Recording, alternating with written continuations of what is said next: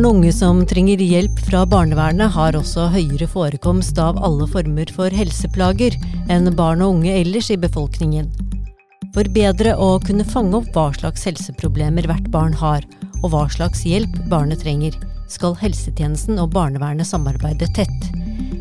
Helsedirektoratet og Bufdir har fått i oppdrag å beskrive hvordan, og nå er planen klar. Du lytter til Buffer, en podkast fra Barne-, ungdoms- og familiedirektoratet. Jeg heter Marianne Løkkevik, og i denne episoden av Buffer har jeg med meg to psykologer.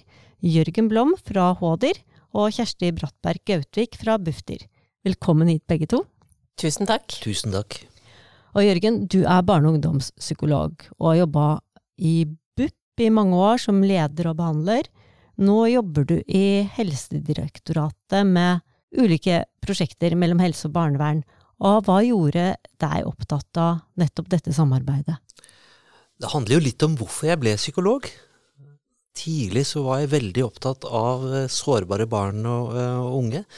De barna som er i barnevernet som også har uh, psykiske helseproblemer. Det var på en måte grunnen til at jeg starta. Det var å Kan disse barna få bedre hjelp? Og hva med deg, Kjersti? Jeg vet at du har jobba med barn og unge i fosterhjem og institusjon i mange år, og at du har jobba med fagutvikling nå her i Bufdir. Det stemmer. Eh, jeg begynte å jobbe med barn og unge i fosterhjem og på institusjon i 2003, og ble veldig raskt opptatt av å sikre god helsehjelp til eh, disse barna. Nå er eh, dere begge to prosjektledere for et nasjonalt forløp som skal gi barn i kontakt med barnevernet bedre helhetlig helsehjelp. Forløpet var klart for noen uker siden, og aller først, hva er et nasjonalt forløp? Ja, Skal vi begynne litt med historikken, Jørgen? Ja, vi kan gjøre det. Ja.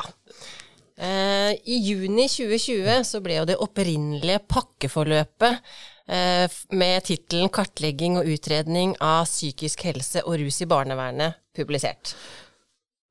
Men så viste det jo seg ganske raskt at departementene våre de ville at vi skulle utvide det forløpet. Vi skulle utvide det med somatisk helse, tannhelse og seksuell helse. Mm. Og det nye utvidede forløpet ble publisert 3.2 i år. Jeg skjønner at dette skal favne alle typer helsehjelp og helsespørsmål, men eh, hvordan foregår det i praksis? Det nasjonale forløpet er eh, delt inn i ulike faser med flere aktiviteter. I aktivitetene så beskrives det ulike oppgaver som barnevernstjenesten har i starten av forløpet, og så beskriver det roller og ansvar i samarbeidet. Så er det lagt opp til faste aktiviteter underveis, eh, som er avklaringsmøte mellom mellom foreldre og barnevern, oppstartsmøte med helse og barnevern, statusmøter mellom helse og barnevern, og også samarbeid underveis. Sånn at man har på en måte fått en oppskrift for hvordan rigge et godt samarbeid mellom helse og barnevern. Mm. Det som er fint her, er at det er, som Jørgen sier, en oppskrift. Det er et veldig sånn strukturert uh, løp med fem ulike hovedaktiviteter uh, fra start til slutt. Vi starter da med barneverns, barnevernstjenestens vurdering og start. Det er første fase. Og barnevernstjenesten har uh, grunnlag for hvorfor de skal eventuelt starte forløp. Vi har kunnskapen om barns helseproblemer. Og så eh, har barnevernstjenesten bekymringstegn og risikofaktorer som de gjør en vurdering på bakgrunn av. Og så har de dialog med, barnet, med barnet og familien eller foreldre om helsen. Og så har barnevernet fått en del kriterier for hvor, hvorfor de skal starte et forløp, og hvordan de skal gjøre det. Og så går man da videre til et avklaringsmøte med med barnet og foreldre om hvilken helsetjeneste man skal kontakte. Så jeg skjønner at det starter allerede i undersøkelsesfasen? Eller kan startes? Det kan starte. Ja. Mm -hmm. Altså, vi ønsker jo med dette forløpet å komme tidlig inn. For å sikre god helsehjelp, så må jo helseproblemer oppdages. Og jeg tenker at nå settes helse på agendaen um, helt fra et barn kommer inn i en undersøkelse, som gjelder ca. 40 000 barn i året, så skal, man, skal barnevernstjenesten ta stilling til om forløp skal igangsettes eller ikke. Så dette forløpet kan igangsettes i hele barnevernsforløpet, og det kan settes i gang flere ganger. Og Forløpet starter i barnevernstjenesten, og det slutter i barnevernstjenesten. Og så er det samhandling med helsetjenestene her underveis. Så, og, og, alle skal ikke gjennom dette forløpet. Alle barn som kommer inn i undersøkelse, skal ikke det. Det skal gjøres en vurdering ved hvert enkelt barn. Det er viktig å si. Men det at det skal settes i gang på indikasjon, gjør Hvor høy skal terskelen være? Er det ikke fare for at noen faller igjennom fordi det ikke er så opplagt at det gjelder helse? Det står helt tydelig i forløpet at det skal være lav terskel for å igangsette forløp. Og er man i tvil, så skal, er hovedregelen at det skal igangsettes. Og så som Jørgen sa tidligere, vi har prøvd å sette opp noen bekymringstegn, helt sånn tydelige og konkrete, som skal være til god hjelp for de som jobber i barnevernstjenesten. For det er klart det er komplekst. Ja, for hva er utfordrende med å samordne den hjelpen som eh, barn og unge trenger når de kommer i kontakt med barnevernet? Det er jo flere ting som er, kan være utfordrende her. Det er ulike lovverk i ulike sektorer, ulike styringslinjer, ulik organisering og organisatorisk tilhørighet. Og det er jo ulike samfunnsmandat. Og det er også at de som jobber i, både i helsetjenestene, men også i barnevernstjenestene, har ulik utdanningsbakgrunn, ulik fagforståelse, og snakker kanskje litt ulikt språk. Det som ofte har vært en utfordring i barnevernet, er at ansatte ikke synes de når ordentlig fram med helsebekymringene sine for barna. Hvordan skal helse komme bedre og tidligere inn nå? Da er det jo det som ofte er å gi også barnevern, eh, barnevernstjenesten verktøy på hvilket språk de skal snakke når de skal kontakte helsetjenesten. Hvilke tegn på bekymring og tegn på eh, risiko som de kan formidle til helsetjenesten, som de ser hos barnet. Når barnevernstjenesten har fått kontakt med helsetjenesten, så har de da sammen så har vi lagt opp til at de har samarbeidsmøter underveis. At de har et oppstartsmøte, og at de har statusmøter, og at, at alle parter er forplikta til å følge dette forløpet. For det er jo litt det som har strevet vært, er jo at hvordan skal vi rigge samarbeidet rundt hvert enkelt barn? Og så nå sier vi vi har et standardrigg vi, for hvordan dette samarbeidet kan se ut. Mm. Det som er litt eh, også vanskelig i våre tjenester, det er jo at vi er travle. Det vi har i felles, det er at vi er travle tjenester. Mm. Mm. Og da er det så, kan det være godt å ha et verktøy som sier at sånn gjør vi det. Og sånn gjør vi det i fellesskap. Sånn at vi ikke trenger å bruke tiden hver eneste gang med å prøve å få til et samarbeid, fordi at vi har beskrevet hvordan vi kan gjøre det. Mm. Så slipper man å starte på nytt, ikke sant, for hver gang her har man en oppskrift som uh, begge skal følge. Så, så, bruker vi jo dette året, 2023 er jo det vi kaller et implementeringsår, hvor det både skal implementeres i barnevernstjenesten og i helsetjenestene. Jeg lurer på, kan dere ta oss med på en uh, brukerreise, sånn at vi kan se hvordan dette kan fungere helt konkret? Vi har laget noen eh, eksempler som er sånn standardeksempler. Eh, som er helt Det er ikke basert på noen sanne historier. Det er rett og slett et eksempel fra vår erfaring som har jobbet mye i tjenestene. Og eh, for eksempel, vi kunne jo tatt kalle henne Anna, 14 år gammel jente. Hun bor sammen med foreldrene sine. Og så har hun en kontaktperson i barnevernet. Og Anna forteller denne kontaktpersonen i barnevernet at hun sliter med hodepine. Og så har hun vondt i magen, og så føler hun seg veldig, veldig sliten. Og så på skolen så forteller hun at Eller forteller at på skolen så uh, kan hun ikke konsentrere seg, og hun orker ikke å gjøre lekser. Og så forteller Anna til kontaktpersonen i barnevernet også, som er en dyktig kontaktperson, veldig sånn tillitsvekkende som Anna kan få til til, at hun ikke spiser så mye, i hvert fall ikke på ettermiddagen, og at hun spiser bare litt til middag, og så har hun bare en venn i klassen som hun føler hun kan være fortrolig med. Bare én? Ja, én, ja. Sant. Så snakker da kontaktpersonen med foreldrene, og de har vært bekymra, de foreldrene, over noe tid. Og så de har observert at det virker som at hun har blitt slankere, men de har vært usikre på om de kan snakke med Anna om den utryggheten de har følt på. Så uh, blir de enige om i møte med barnevernet på det avklaringsmøtet de tar kontakt med fastlegen, sånn at fastlegen kan undersøke Anna. Og så blir de enige om at kontaktpersonen i barnevernet kan kontakte fastlegen også, og fortelle litt om det Anna har sagt, sånn at Anna slipper å si det til så mange det hun har sagt til, til, eh, til kontaktpersonen i barnevernet. Så da undersøker fastlegen Anna, da. Mm. og snakker, snakker med Anna og foreldre. Og så blir Anna henvist videre til barneavdelingen på sykehuset, for fastlegen ble litt bekymra for helsen hennes. Så hun dro på barneavdelingen, men samtidig så henviste også fastlegen henne til BUP, for fastlegen ble litt bekymra for mulig spiseforstyrrelse. Så starter da helsetjenesten denne utredningen av, av henne, og så innkaller barnevernet til et status, statusmøte. Mm. Og de starter et arbeid med individuell plan, og så involverer de også skolehelsetjenesten og skolen, sammen med BUP og barneavdelingen. Etter hvert så finner barnevernet og familien ut at det er ikke så behov for barnevernet lenger. Det er først og fremst disse helseproblemene. Så etter hvert så avsluttes samarbeidet med familien i barnevernet. Så nasjonalt forløp for barnevern, det avsluttes. Men samarbeidet mellom BUP, skole, helsestasjon, fastlege og barne- og ungdomsklinikken, det fortsetter. I det som kalles et nasjonalt pasientforløp. Det vi før kalte, kalte pakkeforløp.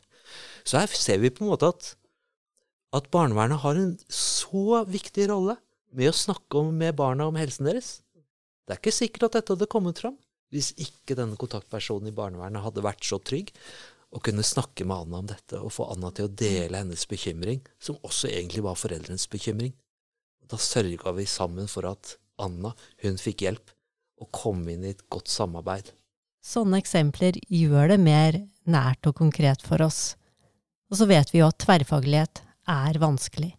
Hvis vi sammenligner det med rene helsetjenester, så ser vi at eh, der det er innført pakkeforløp, så går ting stort sett på skinner. Alle vet hva de skal gjøre, men hvis det kommer en litt komplisert problemstilling som ikke har noe sånt forløp, så kan det ta vinter og vår. Er det på samme måte i dette forløpet at det skal fungere slik at alle vet hva de skal gjøre til enhver tid? Det er litt meningen det, at, vi, at det er beskrevet rollene vi har. Altså vi i helse, hvilken rolle vi har, hvilken rolle barnevernstjenesten har, og hvordan vi sammen kan jobbe sammen strukturert, sånn at familiene de blir litt trygge.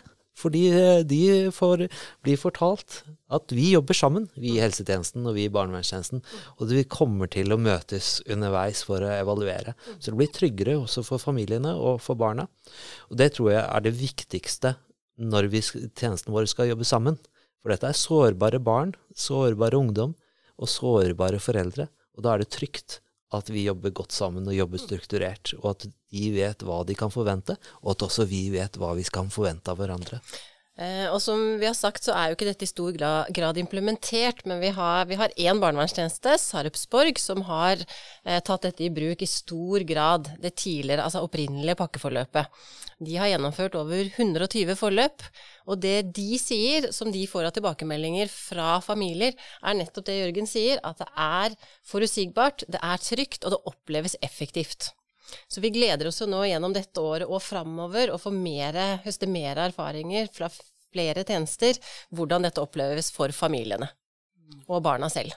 Og medvirkning står helt sentralt der. Dere har jo sagt det selv allerede, tjenestene er travle. Og dette kan kanskje virke nytt for mange og arbeidskrevende. Er det det, eller er det gevinster å hente?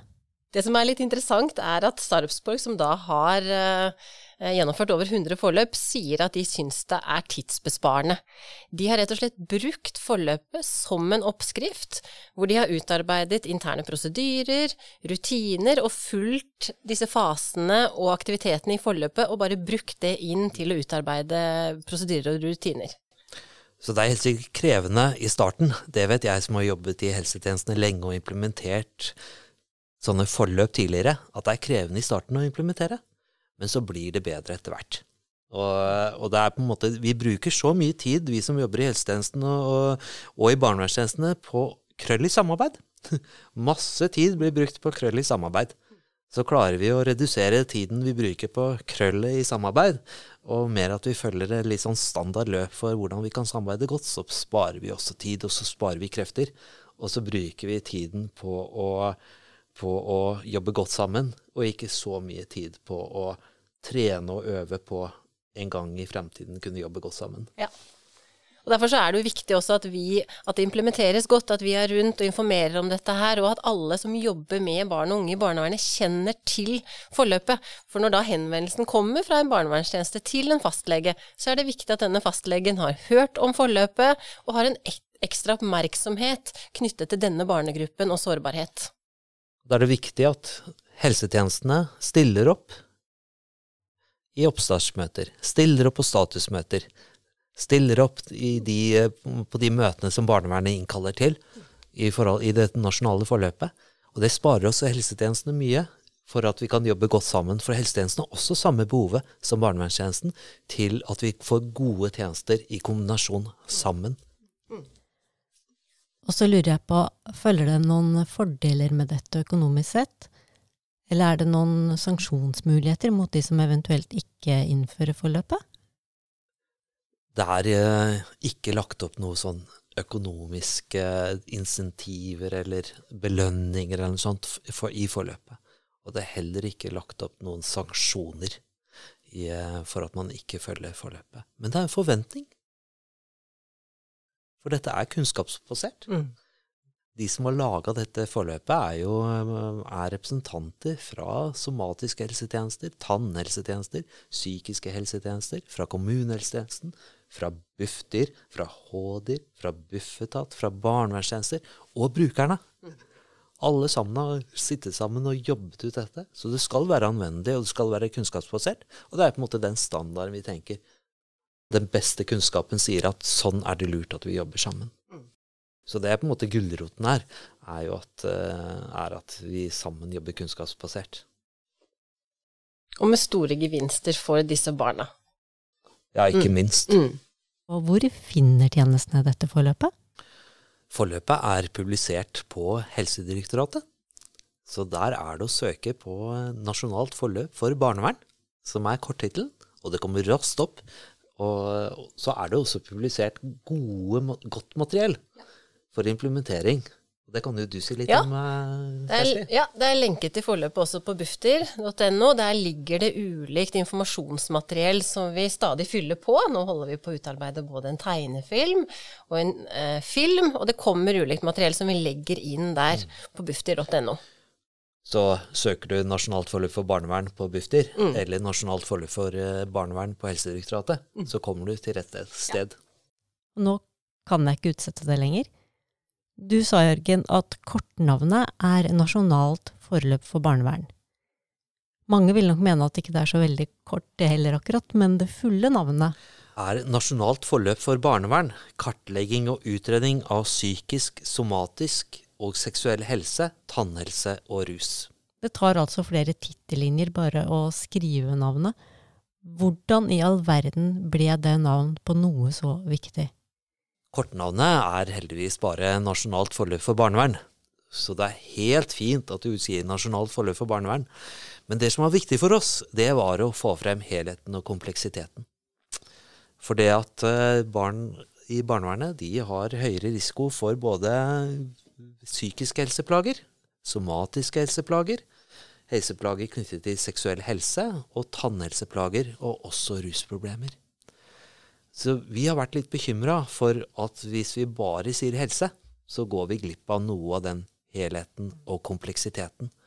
Så det er rett og slett bare for å punktere alle områdene av helse som skal ivaretas innen den helhetlige ivaretakelsen av barnehelsen.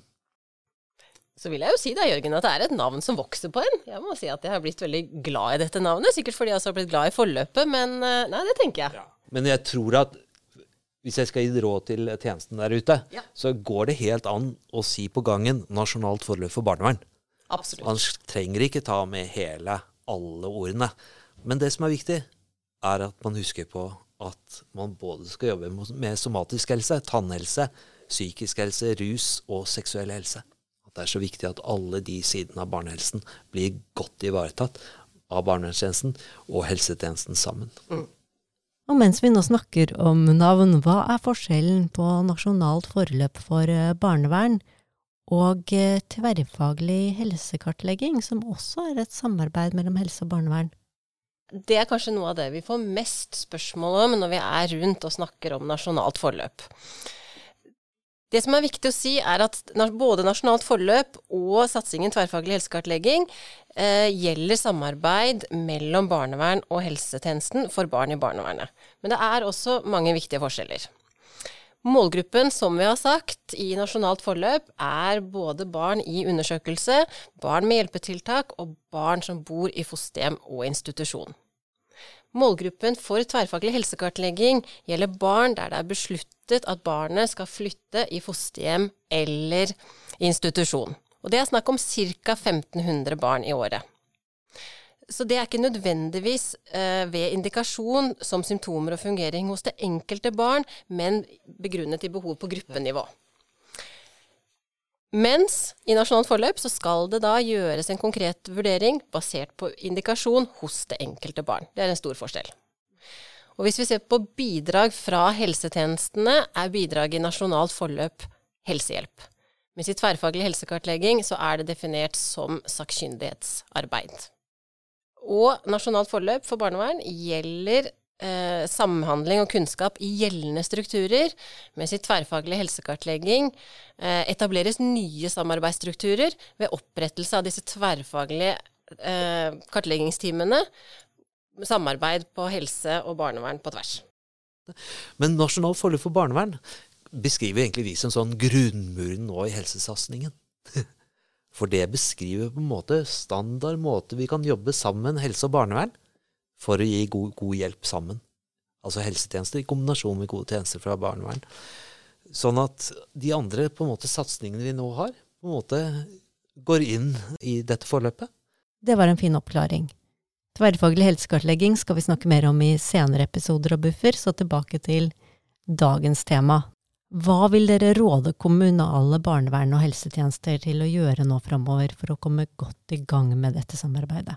Jeg tror det er lurt nå å starte samarbeidet. Ha dialog sammen om nasjonalt forløp for barnevern. Mm. Lag samarbeidsavtaler. Bli enige om de felles målene mm. som dere har for nasjonalt forløp for barnevern. Og gjerne starte med et dialogmøte for å bli bedre kjent på tvers. Så er det viktig også å si at det er jo også veldig mye godt samarbeid som fungerer godt. Men det er å innlemme dette forløpet i de samarbeidsavtalene de har, og så også utvide her, men å bruke de strukturene man allerede har. Eh, for å lage en plan sammen, sånn som Jørgen sier, med samarbeidsavtaler, for å følge opp dette forløpet. Men hvordan skal dere to jobbe, Kjersti og Jørgen, for at kommunene skal bli godt kjent med å komme i gang med nasjonalt forløp for barnevern? Vi har i fellesskap, Helsedirektoratet og Bufdir, utarbeidet en overordnet nasjonal implementeringsplan som vi nå skal følge opp. Og der har vi satt opp ulike implementeringsaktiviteter, men hovedaktiviteten vår er jo å reise ut til tjenestene. Så vi inviterer oss inn, og blir veldig gjerne invitert inn, hvor vi presenterer forløpet og er i dialog med tjenestene. Så vi har et sånn roadshow, kan vi si, ja. i 2023, hvor vi reiser rundt. De som vil vite mer om dette, bli bedre kjent med forløpet og bli bedre kjent med dere og tankene bak, så er dere fullt mulig å invitere. Absolutt. Absolutt. Vi stiller gjerne. Vi kommer gjerne ut. Ja, det gjør vi. Takk skal dere ha. Takk skal du ha. Lykke til med implementeringen. Du har hørt Buffer med Jørgen Blom og Kjersti Brattberg Gautvik, prosjektledere for forløp for Jenta sats, barnevern, kartlegging og utredning av psykisk, somatisk og seksuell helse, tannhelse og rus. Programleder var meg, Marianne Løkkevik.